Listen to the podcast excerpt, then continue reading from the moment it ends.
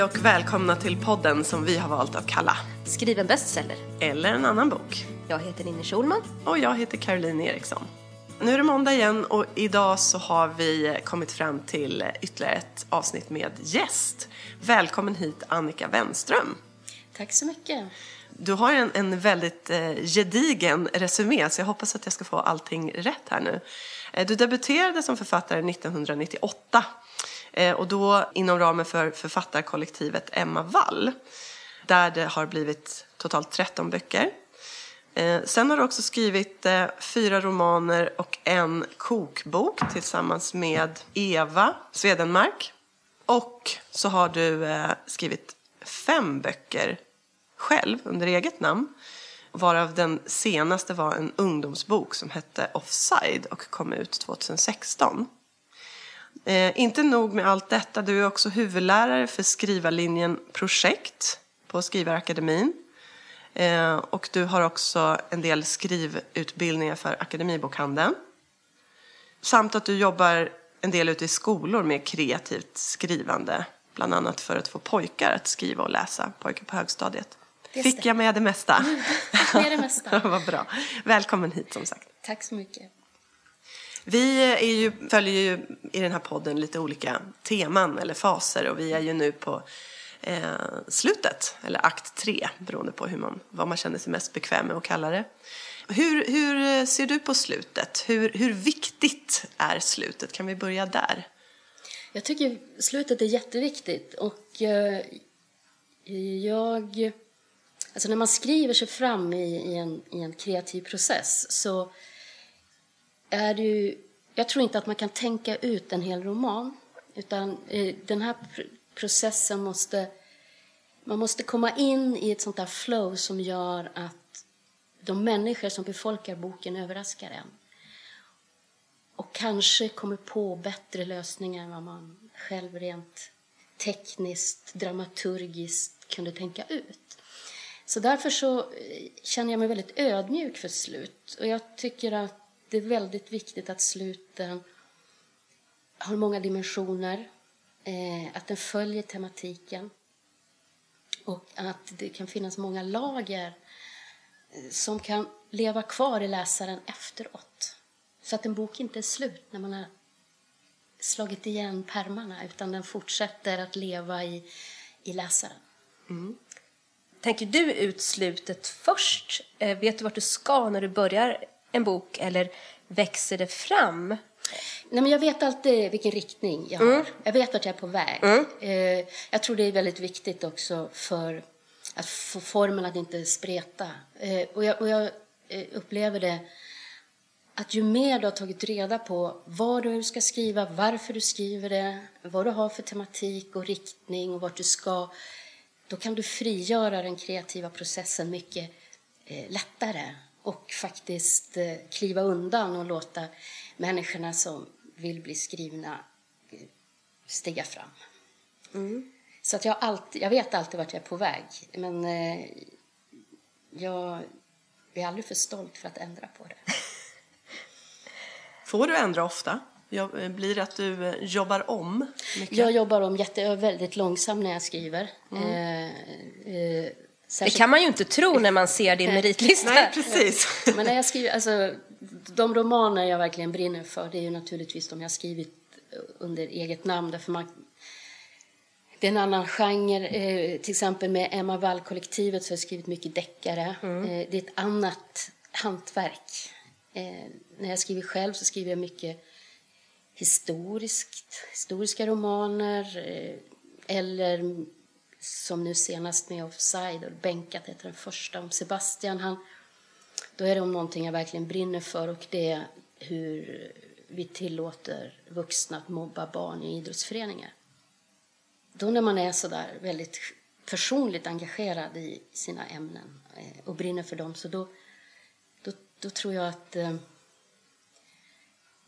då måste man stanna upp och rannsaka sig själv och gå tillbaka och skriva om. Och, och det där flödet stannar ju upp ibland. Och till exempel när jag skrev Lappskatteland så var det mycket, det var mycket magiskt i, i den kreativa processen. Och huvudpersonerna heter Nena och Anta. När jag försökte vara duktig och följa min linje och det vart fel, då försvann de borta ur rummet liksom. Och, och sen, ja, men jag tillbaka då. Och då kom de tillbaka liksom. Så att, eh, det, finns det finns ju ett skrivandets magi som jag alltid försöker eh, hålla fast i. Nu för tiden så pratar man mycket om att, nej men att skriva bok, det är bara det är ett kontorsjobb, det är 9 till 5, det är bara att sätta sig, inspiration är för töntar, sådär. Men du håller inte med om det? Eh, jag tror att tålamod är en författares bästa vän. Eh, och att man faktiskt sitter, man sitter och jobbar. Men eh, precis som eh, många andra kreativa människor så händer ju någonting i det undermedvetna när man är ute och promenerar, när man kanske ser en film eller läser en annan bok i ett samtal med någon. Så att eh, jag tror på att faktiskt man måste sitta och jobba.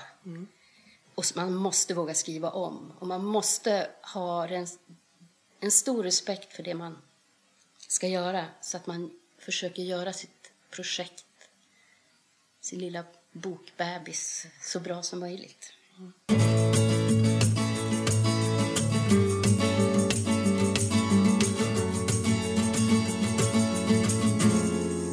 Vi har ju pratat här nu i två avsnitt om slut och vi har eh, delat med oss bland annat av eh, vad, vi gillar för sorts slut och eh, pratat, eh, nämnt och bland annat sådär öppna slut, lyckliga slut, sorgliga slut, lite feel bad slut. Eh, vilken sorts slut gillar du? Har du någon särskild eh, så här, personlig böjelse för en viss sorts slut? Förfärliga slut. Ja, vi är en sån här dyster trio. Jag hade hoppats att du skulle vara liksom den som tog oss till den här, åh jag älskar, eh, så levde de lyckliga alla sina dagar. Jag måste ju säga att jag har ju rätt dystra ämnen. Ja. Så det är lite svårt med lyckliga slut. Ja. Men, eh, jag, men jag tycker om öppna slut också. För jag tycker att det är väldigt viktigt med, just som jag sa innan, att, att, att man kan få in så många olika perspektiv och nivåer i ett slut. Så, så, så att det, det, det är inte intrigbaserat utan det är tematiskt baserat, om du förstår vad jag menar. Eh, så de sluten tycker jag väldigt mycket om. Just att kunna ge läsaren... Jag hoppas ju att läsaren som läser mina romaner eh, ska engagera sig så pass mycket att de faktiskt börjar tänka själva. Eh, varför gjorde de så? Vad hände? Varför är den här historien berättad på det här viset? Och så vidare. Är det lättare att uppnå det med ett eh, ja, citat förfärligt slut då, eller kanske inte rakt igenom lyckligt slut i alla fall? Är det lättare att uppnå den effekten, att få någonting att dröja kvar hos läsaren?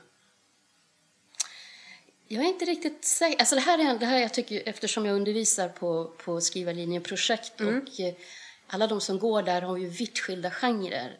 Så det tycker jag också att man ska vara väldigt medveten om att olika genrer har ju olika förutsättningar. Och ska man till exempel skriva en romantisk bok eh, så kan man ju bli väldigt besviken om det inte blir ett lyckligt slut. Eh, Och jag, jag tycker också alltid att man har ett kontrakt med läsaren. Man får inte svika läsaren. Jag har jobbat väldigt mycket med, med eh, och coachat deckarförfattare. Och där är det jätteviktigt att, att man liksom tar det här rätt svåra hantverket på allvar och inte sviker läsaren. För det värsta som finns, det är ju när någon på sidan 275 slänger in en psykopat som inte har varit med i hela historien och det visar sig vara eh, en mosters eh, okända tvillingsyster som dyker upp som ingen har sett. Alltså det är helt osannolika saker. Eh, och eh, jag menar, ni båda skriver ju också spänning. Och de vet ju att den överenskommelsen som man har med en läsare som ska läsa en spänningsbok, det får man inte svika. Nej. Sen kan man ju vrida och vända på det och man kan överraska. Men det ska vara smart och det ska vara i enlighet med den tematik man har och det man vill få fram. Har du något eh, favoritslut i någon annans bok och vice versa? Något eh, som du absolut inte gillar? Man får spoila lite. Jag måste ju tänka efter. Jag tror att det är så att jag förtränger allting som jag tycker är skitdåligt. Ja, men det är okej. men om det är något bra som du Eh. fick så här rysningar av när du... En som jag tycker är fantastiskt bra på dubbeltydiga slut och med en liten filosofisk knorr, det är ju Torgny Lindgren. Så han eh, brukar jag rekommendera till eh, att, att se hur man på ett rätt oväntat sätt också skriver in en hel, alltså kulturella koder, eh, man skriver in landskapet, man skriver in erfarenheter hos människor. Och han får till det där knorren på slutet. Så det är ett tips. Och då är det rent allmänt. Alltså, då kan ja. jag inte säga någon speciell titel av Nej. Ett väldigt bra, lyckligt slut. Får jag spoila nu? Ja. jag kom på ett Ja, lyckligt Säg slut. titeln först bara. Så. Eh, och det är Jellicoe Road. Melina Marchetta har skrivit den. Och det är en ungdomsbok. Fast jag, skulle, jag avskyr egentligen den här åldersfixeringen vi har i Sverige av genreindelning. Jag skulle vilja sätta en allläsarbok. Eh, och den är otroligt smart uppbyggd. Eh, Alla som vill skriva spänning bör läsa den och Okej. analysera hur hon har gjort. Ja. Och, och det är en rätt sorglig historia, men som får sluta lyckligt. Gud vad glad jag blev, jag kom på ett Ja, lyckligt ja, slut. vad härligt. Men det passade då? då. Det Trots att den var Ja, det sorglig det så... var, det var en enorm lättnad att det Ja. var ett lyckligt slut. Ja. Och det var ett sånt där lyckligt slut som gör att man i efterhand går och tänker på den här romanen med ett litet skimmer. Ja. Åh, ja, men det är härligt. ett lästips. Ett lästips, ja. Ja, jag blir precis. jättenyfiken. Ja, verkligen.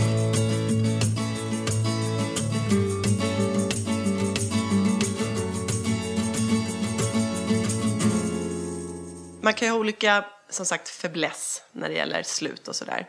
Eh, men rent skrivtekniskt, om vi ska försöka vara liksom väldigt konkreta, eller så konkret som det går, också utifrån din roll nu som, som lärare, både på skrivarlinjen och du har de här utbildningarna för, med, akad- med akademibokhandeln och i högstadiet och sådär. Rent skrivtekniskt, vad är ett bra slut? Eh, när vet man att man har eh, verkligen avslutat en bok på Eh, så att den inte bara är liksom, ja, man, man rinner ut i sanden eller man har inte gjort eh, sin läxa hela vägen. Så att säga. Vad, rent skrivtekniskt, vad är bra? Rent skrivtekniskt eh, så tycker jag att det är väldigt viktigt som vi pratade om. Man ska ha en klar bild om varför man har skrivit det man har skrivit. Vart man är på väg, vilken riktning romanen har haft. Man ska vara väldigt noga med eh, att... Eh, jag vill inte använda det absolut slitna klichén knyta ihop säcken. Därför jag tycker inte att man alltid måste eh, göra allting klart. Liksom. Men man måste... Det man, till exempel om man lagt ut falska ledtrådar i en deckare så måste man faktiskt ta läsaren i handen och visa att det var, här lurades vi lite. Mm. Det var så här istället. Mm. Mm. Det fanns en förklaring. Men eh, rent skrivtekniskt så tycker jag att det, det absolut viktigaste är att eh, att slutet ska vara som en organisk helhet. Och jag skulle vilja göra så här, för när jag har mina skrivarutbildningar, i alla fall de som exempel på projekt som faktiskt håller på att färdigställa manus för utgivning, eh, då brukar jag, jag brukar koppla ihop början med slutet. För jag tycker inte att man kan separera dem. Och i början ska slutet finnas. Och vad menar du med det, närmare bestämt? Det man, det man eh, etablerar, det man eh, sätter på pränt, den framåtrörelse. För det är väldigt viktigt med bra börjar också. Där i, den början, finns så att när man kommer till slutet så ska man tänka såklart. Det innebär att eh, för att skriva ett riktigt bra slut och få det där slutet bra, då skriver du början sist. Man skriver början sist. Ja. Eller Eller man skriver tillbaka. om, man Ja, skriver precis. om Ja. början. Tänkte Precis. säga, det är ofta Ja. så det blir. Ja. Precis så. Eh, och rent skrivtekniskt så tycker jag också att man måste, man ska göra, man ska göra, jag brukar kalla det en sorts eh, konsekvensanalys av sin roman. Och att eh, att det är som en kedja. Och är det några länkar som känns svaga eller som faktiskt har gått av, då, kan du, då, då måste du tänka... Det kan ju påverka ett helt slut. Så jag tycker det är jättesvårt att, att, eh, att jag ser alla texter som organiska helheter. Därför så, så tror jag liksom att, att människorna i boken, innehållet, scenerna, allt det där interagerar med varandra. Men ett sånt där tips som jag ändå kan ge, och det gäller slut på kapitel och det gäller slut på romaner, och det är ju det att man oftast kan stryka rätt många meningar på slutet. Ja. För att man... Slutet av ett kapitel Och, slut och slutet av boken. Ja. Mm. Både och. Både och. Det, här, det finns ju något sånt där tips som eh, att man ska komma in sent och lämna tidigt. Eh, är det någonting sånt du är ute efter? Att man ska Egentligen försöka... inte riktigt. Alltså för jag, och det här är ju också så här genremässigt. Om vi, om vi jobbar med spänningslitteratur. eh, Så idag så har du inte många sidor på dig för att fånga läsaren. Och då pratar vi igen om det här med det- kontrakt vi har med läsaren. Så då får du ju... Du, du ska ju liksom lyckas bygga tematiken på ett väldigt effektivt sätt utan att det blir schablonmässigt eller någonting. Och jag, och jag tänker liksom att på samma sätt är det med ett slut. Att, eh, att om, om någonting bara rinner ut i sanden då har man liksom inte tänkt på det här som en symbiotisk organism som, som ska leva av... Alltså den här, en roman ska ju leva på varje sida. Du skulle kunna slå upp vilken sida som helst och egentligen börja läsa och tänka oh, wow. Prova att göra det med Marguerite Duras och du kommer liksom av, det är liksom varje sida är, är, en, är en del av den där komplexheten som, s- som vi kanske alla eftersträvar. Men det här med att korta ner då? Alltså ta bort sista Mm. meningarna från kapitelslut eller slut. Hur, hur passar det in i det här resonemanget? Eh, Jag tror att Handlar det om att destillera Ja. sin text? Ja. Jag tror att det handlar jättemycket om det. Och så tror jag att det handlar om att våga lita på att läsaren är med. Därför att har man lyckats skapa en roman där folk faktiskt läser till slutet och, och vänder blad, då, då, är, då, då är de ju med oss. De är ju medskapare till en roman. Jag menar, alla människor läser ju romaner väldigt olika. Och eh, som författare, min intention med en roman kanske är någonting helt annat än vad någon annan upplevde att det var. Eh, och då menar jag att eh, man... Och nu tappade jag bort mig. Vart var vi? Nej, jag pratade om, det här med att, korta ner och att det handlar om att, att destillera sin text eller att få, få Ja, fatt det- på kärnan. Det, alltså, det handlar jättemycket om att våga, att våga lita på att läsaren är med. Och då behöver vi inte skriva ut allt. Jag tänker också att varje text man skriver är, ska öppna upp för en läsares erfarenheter. Så att vi kan f- bjuda in läsaren i texten. läsaren blir medskapare. Ja. Och därför så tycker jag också att ibland skrivs det ut för mycket som gör att man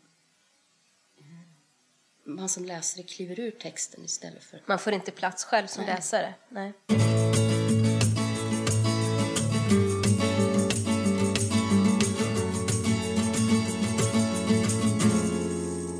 Att du får idéer, det är ju tydligt när man ser din meritlista här.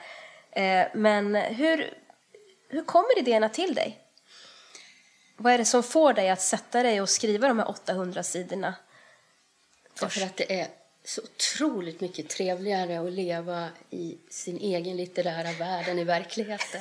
Är det så enkelt? Ja, gud, så enkelt är det. Eh, jag har alltid varit bättre på att leva i böckernas värld än i verkligheten.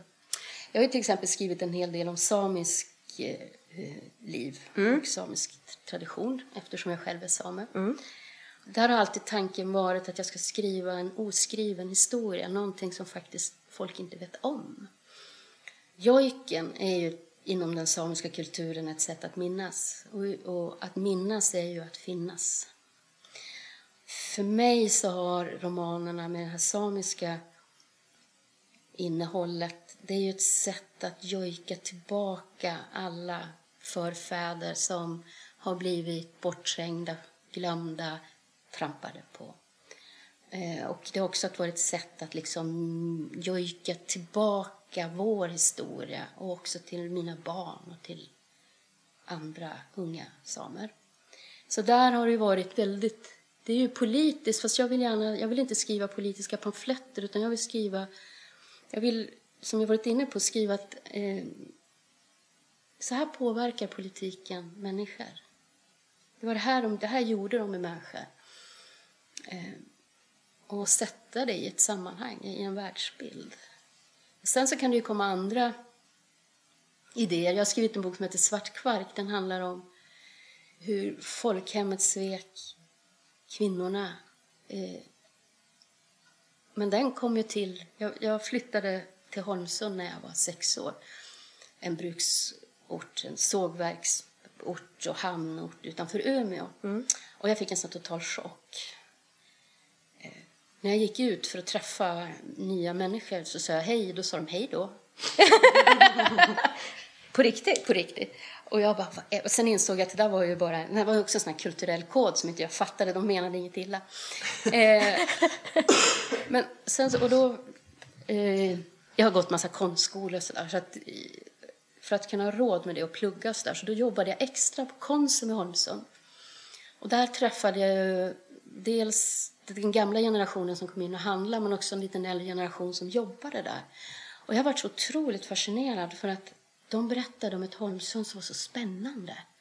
Och det var så roligt. Det var liksom det var svartkrogar och spontana danser på bryggorna, spännande sjömän, prostitution.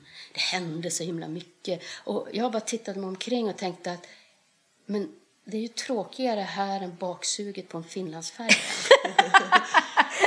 Det var två olika miljöer som du ja. hörde beskrivas och som du upplevde. och jag tänkte, gud, och jag, bara, och jag har också alltid haft en sån här längtan till, alltså till det historiska. Liksom. Så jag tänkte, det här måste jag börja, det här måste jag börja undersöka. Ja. Mm. Eh, och eh, då läste jag en bok av Ronny Ambjörnsson som var professor i idéhistoria vid universitetet. Han är fantastisk. Och han skrev om den skötsamma arbetaren i Holmsund. Mm. Och helt plötsligt så fick jag alla koder. Bara, ja, och då, då insåg jag också att men, alla de här roliga människorna, originalen som kom in, de var ju de inte fullt så skötsamma arbetarna så tänkte jag, jag måste skriva dem. Det var samma sak som det här med jojken. Mm. Jag, jag måste skriva dem som aldrig fick en röst. Som bara haft en plats för att andra ska känna sig bra. Och de var ju fantastiska. Och, och det här till exempel i, i 1936 så var kvinnligt förvärvsarbete att jämföras med strejkbryteri. Mm. Eh, och vad har kvinnor alltid velat göra? Tjäna egna pengar, bli fri. Ja. Och samtidigt så under den här tiden så då blir eh, eh, den här rörelsen med fackföreningar och de, de vill ha försörjarlöner för männen, kvinnorna ska in i hemmet. Eh, man har det här sociala utvecklingsarbetet, men kvinnorna får inte plats. Liksom.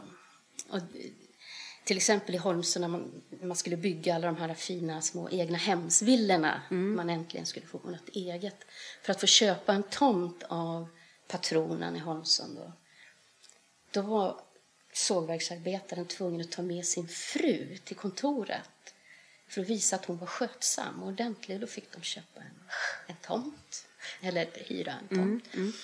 Och det var så fascinerande, till exempel de här nykterhetslogerna som fanns. Jag var också så fascinerad av att hur, så kulturens kraft som man trodde på. Så tittar man hur det är idag. Liksom. Mm. De jobbade tio timmar om dagen och sen gick de och läste franska filosofer på kvällen. Liksom. Det var ju rätt häftigt. Men det var också så att de hade en sån tro på sig själva, eh, de skötsamma. Så till exempel, och de röstade ju om allt, så allting finns ju i bevarat. Så till exempel i Holmsund på logen Skärgårdsblomman mm. så röstade man om livet var värt att levas. Genom handuppsträckning. Vad kom de fram till? Nej. Det var inte det? Nej. Men då var det någon som räckte upp handen och ropade votering. Så då röstade de igen och då vann Livet var värt att leva med en röst. Men, Vilken fantastisk Ja. historia. Ja. men Svart kvark då, då, är ju, då tänkte jag att den är de som aldrig satt på logen och vart tillfrågade om livet var värt att levas. Just det. Så det är så mina idéer kommer. Ja. Det, det låter som att det, det rör sig liksom i... Det, det, du har ett sammanhang eller en kontext eller en, en plats eller någonting som du känner att här, det här vill jag skriva om. Och att sen hitta själva berättelsen då. Eh, Karaktärerna. Ja, precis. Hur hittar du dem? Jag säger ju aldrig karaktär. Nej, vad jag, säger du? Jag har sån här totalförbud mot ordet karaktär. Ja. Eh, Dina människor. ja, för karaktär tycker jag blir så himla platt. Ja, det, men det ska vara människor av kött och blod. Ja. Man ska skriva fram dem så att de, det ska kännas att när jag går ut här eh, och igen går vilse i, utanför era ställe här så, så ska jag tänka att ja, men nu möter jag Nienna och Josefa och Nikanor. Mm. De promenerar omkring Ja. någonstans där ute. Men hur hittar du människorna då? Det är lite olika. Ofta kommer de till mig eh, och vill bli skrivna. Hur? Det är också det där skrivandets magi. Och ibland så är det så magiskt att man liksom nästan fryser till is. För eh, en jätte... Jag blir ofta kär också i mina manliga personer. En väldigt cool snubbe i Lappskatteland, han heter eh, Anton Axe.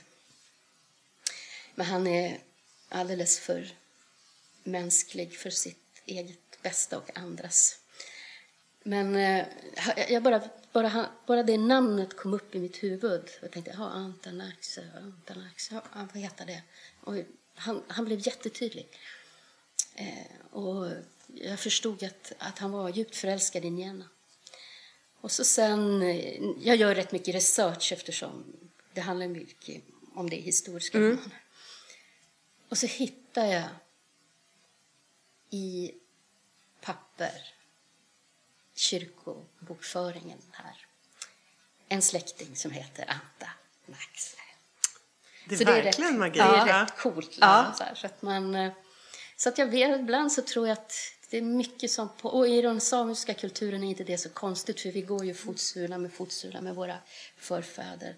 Och jag, kan, och jag känner ju dem, de är ju närvarande hela tiden.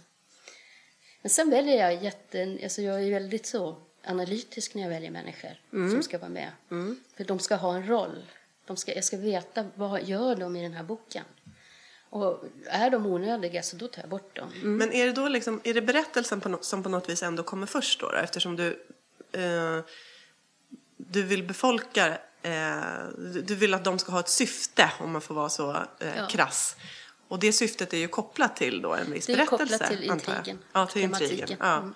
Så i vilken ordning kommer... Är Eller det snarare intrigen som... tematiken, om jag får- Ja, tematiken är allra... är, är viktig. Intrigen är någonting tycker jag som man lägger på. Alltså som, det är ju jättemånga som tror att intrigen är så fruktansvärt viktig. Särskilt när jag möter de eh, deckarförfattare som jag har hjälpt. Eh, och det är klart att en riktigt cool intrig är, är, är ju bra. Men vad som gör att det blir spännande är ju, det är ju de mellanmänskliga relationerna. Så därför så måste man också... Och, och jag tänker att de människor som ska bära min historia de, de, de hör ju... Det är också den här organiska enheten i, i romanen. Och när jag säger or, organisk enhet så menar jag... Det, alltså det, får ju, det får ju skava. Det, ska ju, det får ju inte liksom bli något sånt där dramaturgiskt bygge alla amerikansk collegefilm. Liksom. Men, men de ska ha ett syfte. Ibland kan jag behöva skriva människor som inte alls ska vara med bara för att då vet jag hur de här människorna interagerar med varandra. Mm. Men sen, vet, sen kan jag ta bort det för jag tänker det kommer fram ändå.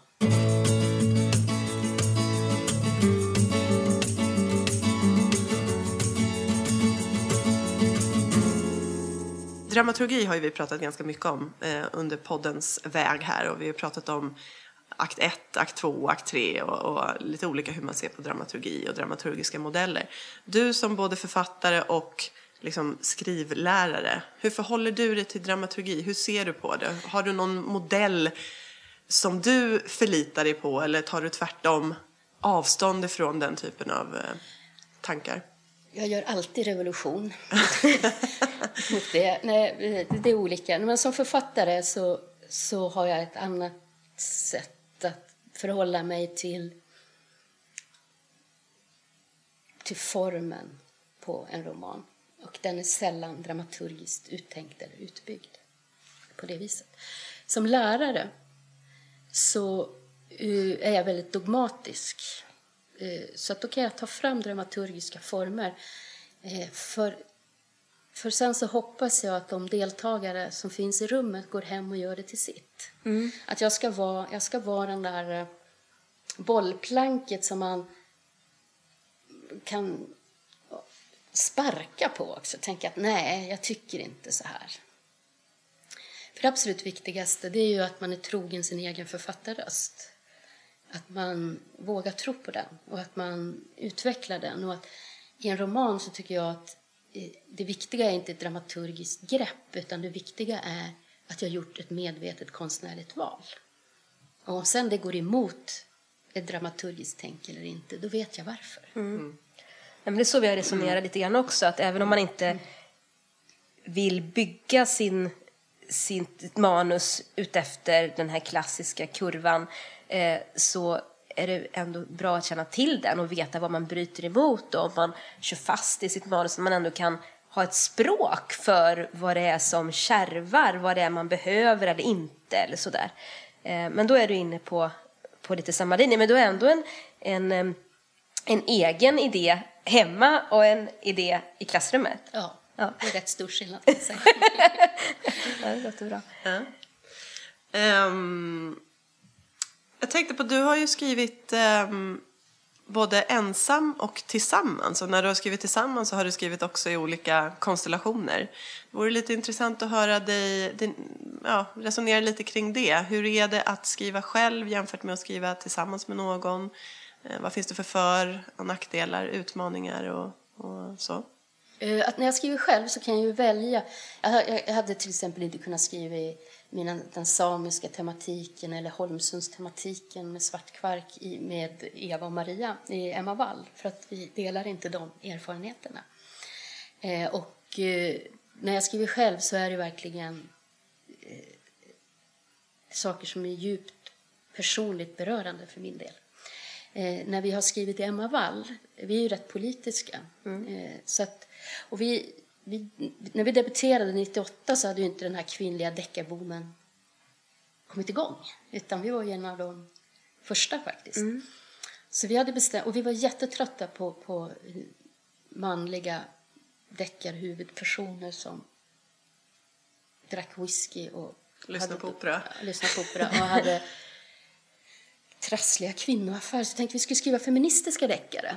Och då blir det ett helt annat sätt att skriva, för det är ju likadant så här, vi kanske tänkte så här, men hur är det att vara kvinna och chef i ett patriarkalt system? Liksom? Mm. Ja, men då, då, är det som vi bygger intrigen kring. Och sen hade vi en idé om att vi... Att skriva tre, att skriva ihop, det är som att lekkamrater i vuxen ålder. Det är ju jättekul. Det är ju, vi, hade, vi har liksom någon idé om att vi ska bevisa att tjejer kan leka tre. För jag tänker direkt så tre, tre okej okay att skriva med en person men ja, det var tre. Mm. Ja. ja. men det har gått jättebra, vi har haft jätteroligt. Eh, och ni är vänner fortfarande? Vi är vänner, vi har aldrig kastat böcker på varandra. Vi, eh, Inga andra föremål heller? Inga andra föremål heller. Däremot är vi rätt tjuriga. När man jobbar tre då handlar det jättemycket om att skriva om och skriva om och skriva om. Ja. Men, och då kan det ju hända att jag, och vi, och man måste vara väldigt prestigelös. Så att eh, om jag skriver någonting så skickar det till Eva och Maria, då kanske de har strukit det. eh, och då tycker jag att det var jävligt orättvist, så att då lägger jag tillbaka det och så kommer det igen, så de tagit bort det igen. Men, eh, men eh, till slut, så när vi har jobbat fram det där, så kanske vi inser att det borde vara med ändå, eller tas bort. Så, att, eh, så vi, det handlar jättemycket om att prova hur vi hur det kommer att bli. Vi skriver ju aldrig kronologiskt heller. Så att vi, vi sitter på café. Mm. Eh, vi kommer överens om en, ja, vad, är, vad är det för ämne vi brinner för? Ja. Eh, och så sen då bygger vi en handlingslinje. Delar upp det lite grann i scener och så får man ta, liksom, man lustskriver, så man får ta den scen man tycker, ja, jag vill döda henne, får jag göra det? Ja. så gör vi det. Och, eh, och sen går det alla hem till sig och skriver och så e-postar vi till varandra. Och sen, och, flera gånger har vi också gjort så att på slutet när vi ska redigera ihop det, då har vi åkt till Korsika Ja. och eh, sitter tillsammans en vecka och finlirar. Det är ju rätt trevligt också. Dricker vi champagne och på kvällarna. Det låter ju underbart. Ja, vilken bonus. Ja.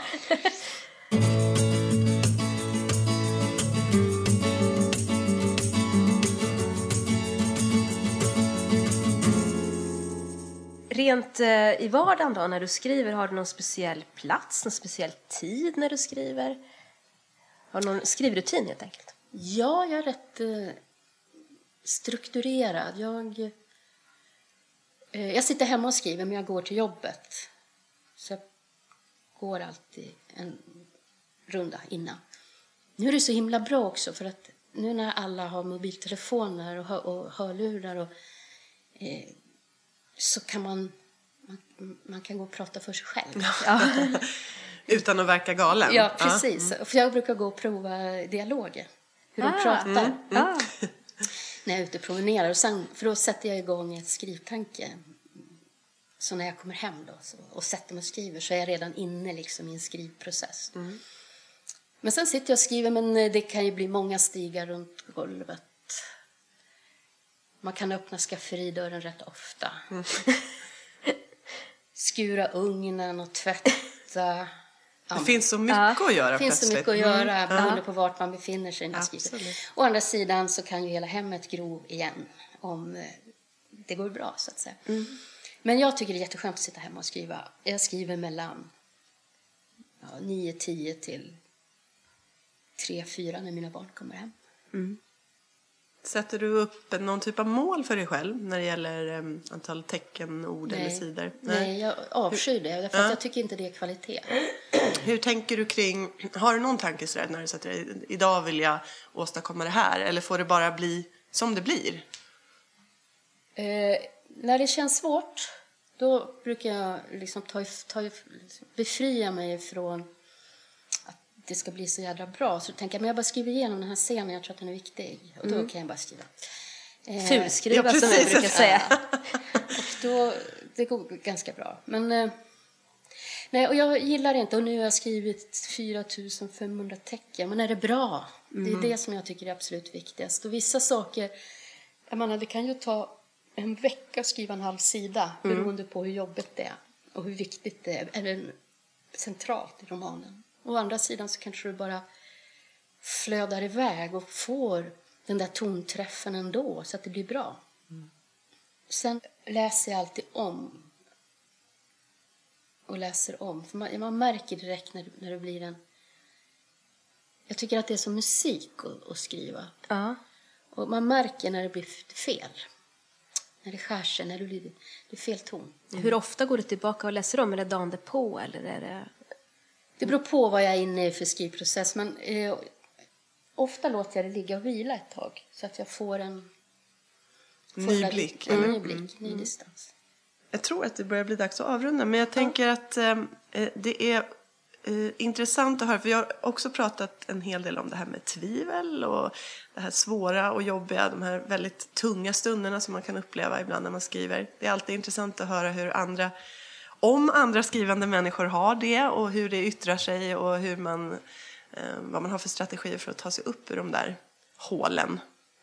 Jag tror att det alltid kommer någonstans i en skrivprocess där man tänker, vem fan ska läsa den här jävla skiten?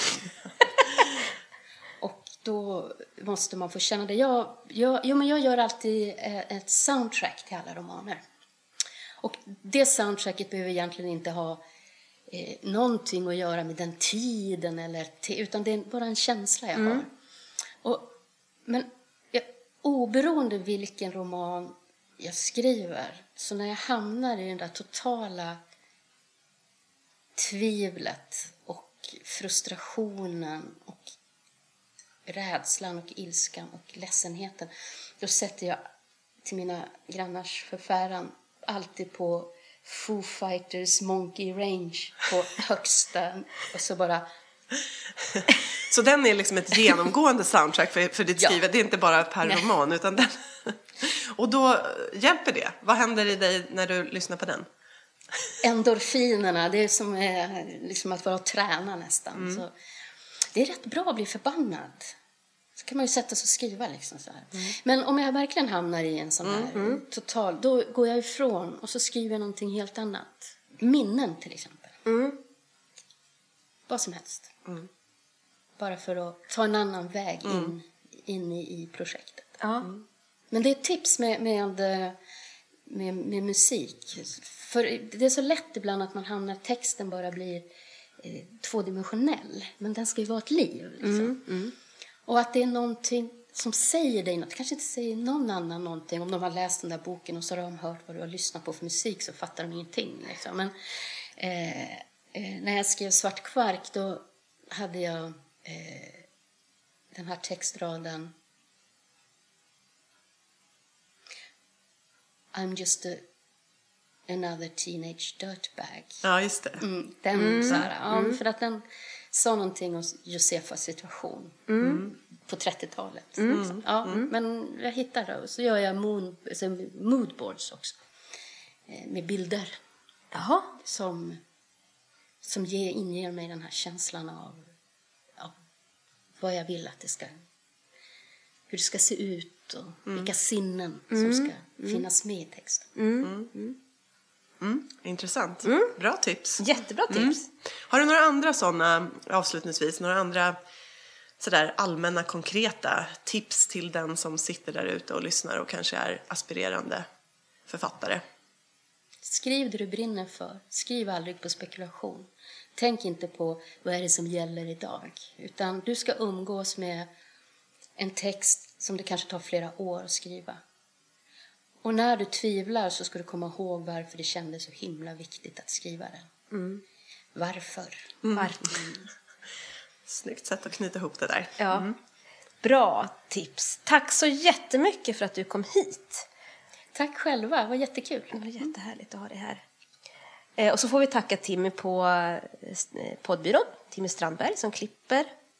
Och så tackar vi Josh Woodward för vår fina musik. Och nästa vecka är det dags för frågor och svar igen. Så hör av er med funderingar så ska vi ta dem i tur och ordning.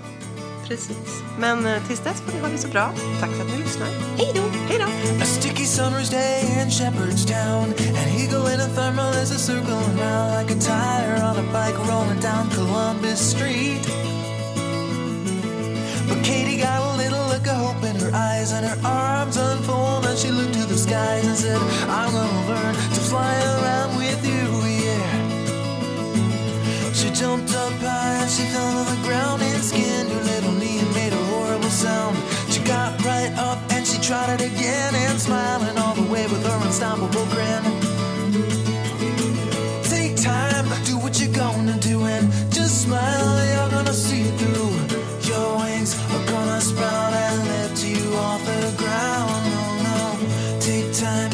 What you're gonna do. Just smile, you're gonna see it through. Your wings are gonna sprout and you will learn to fly.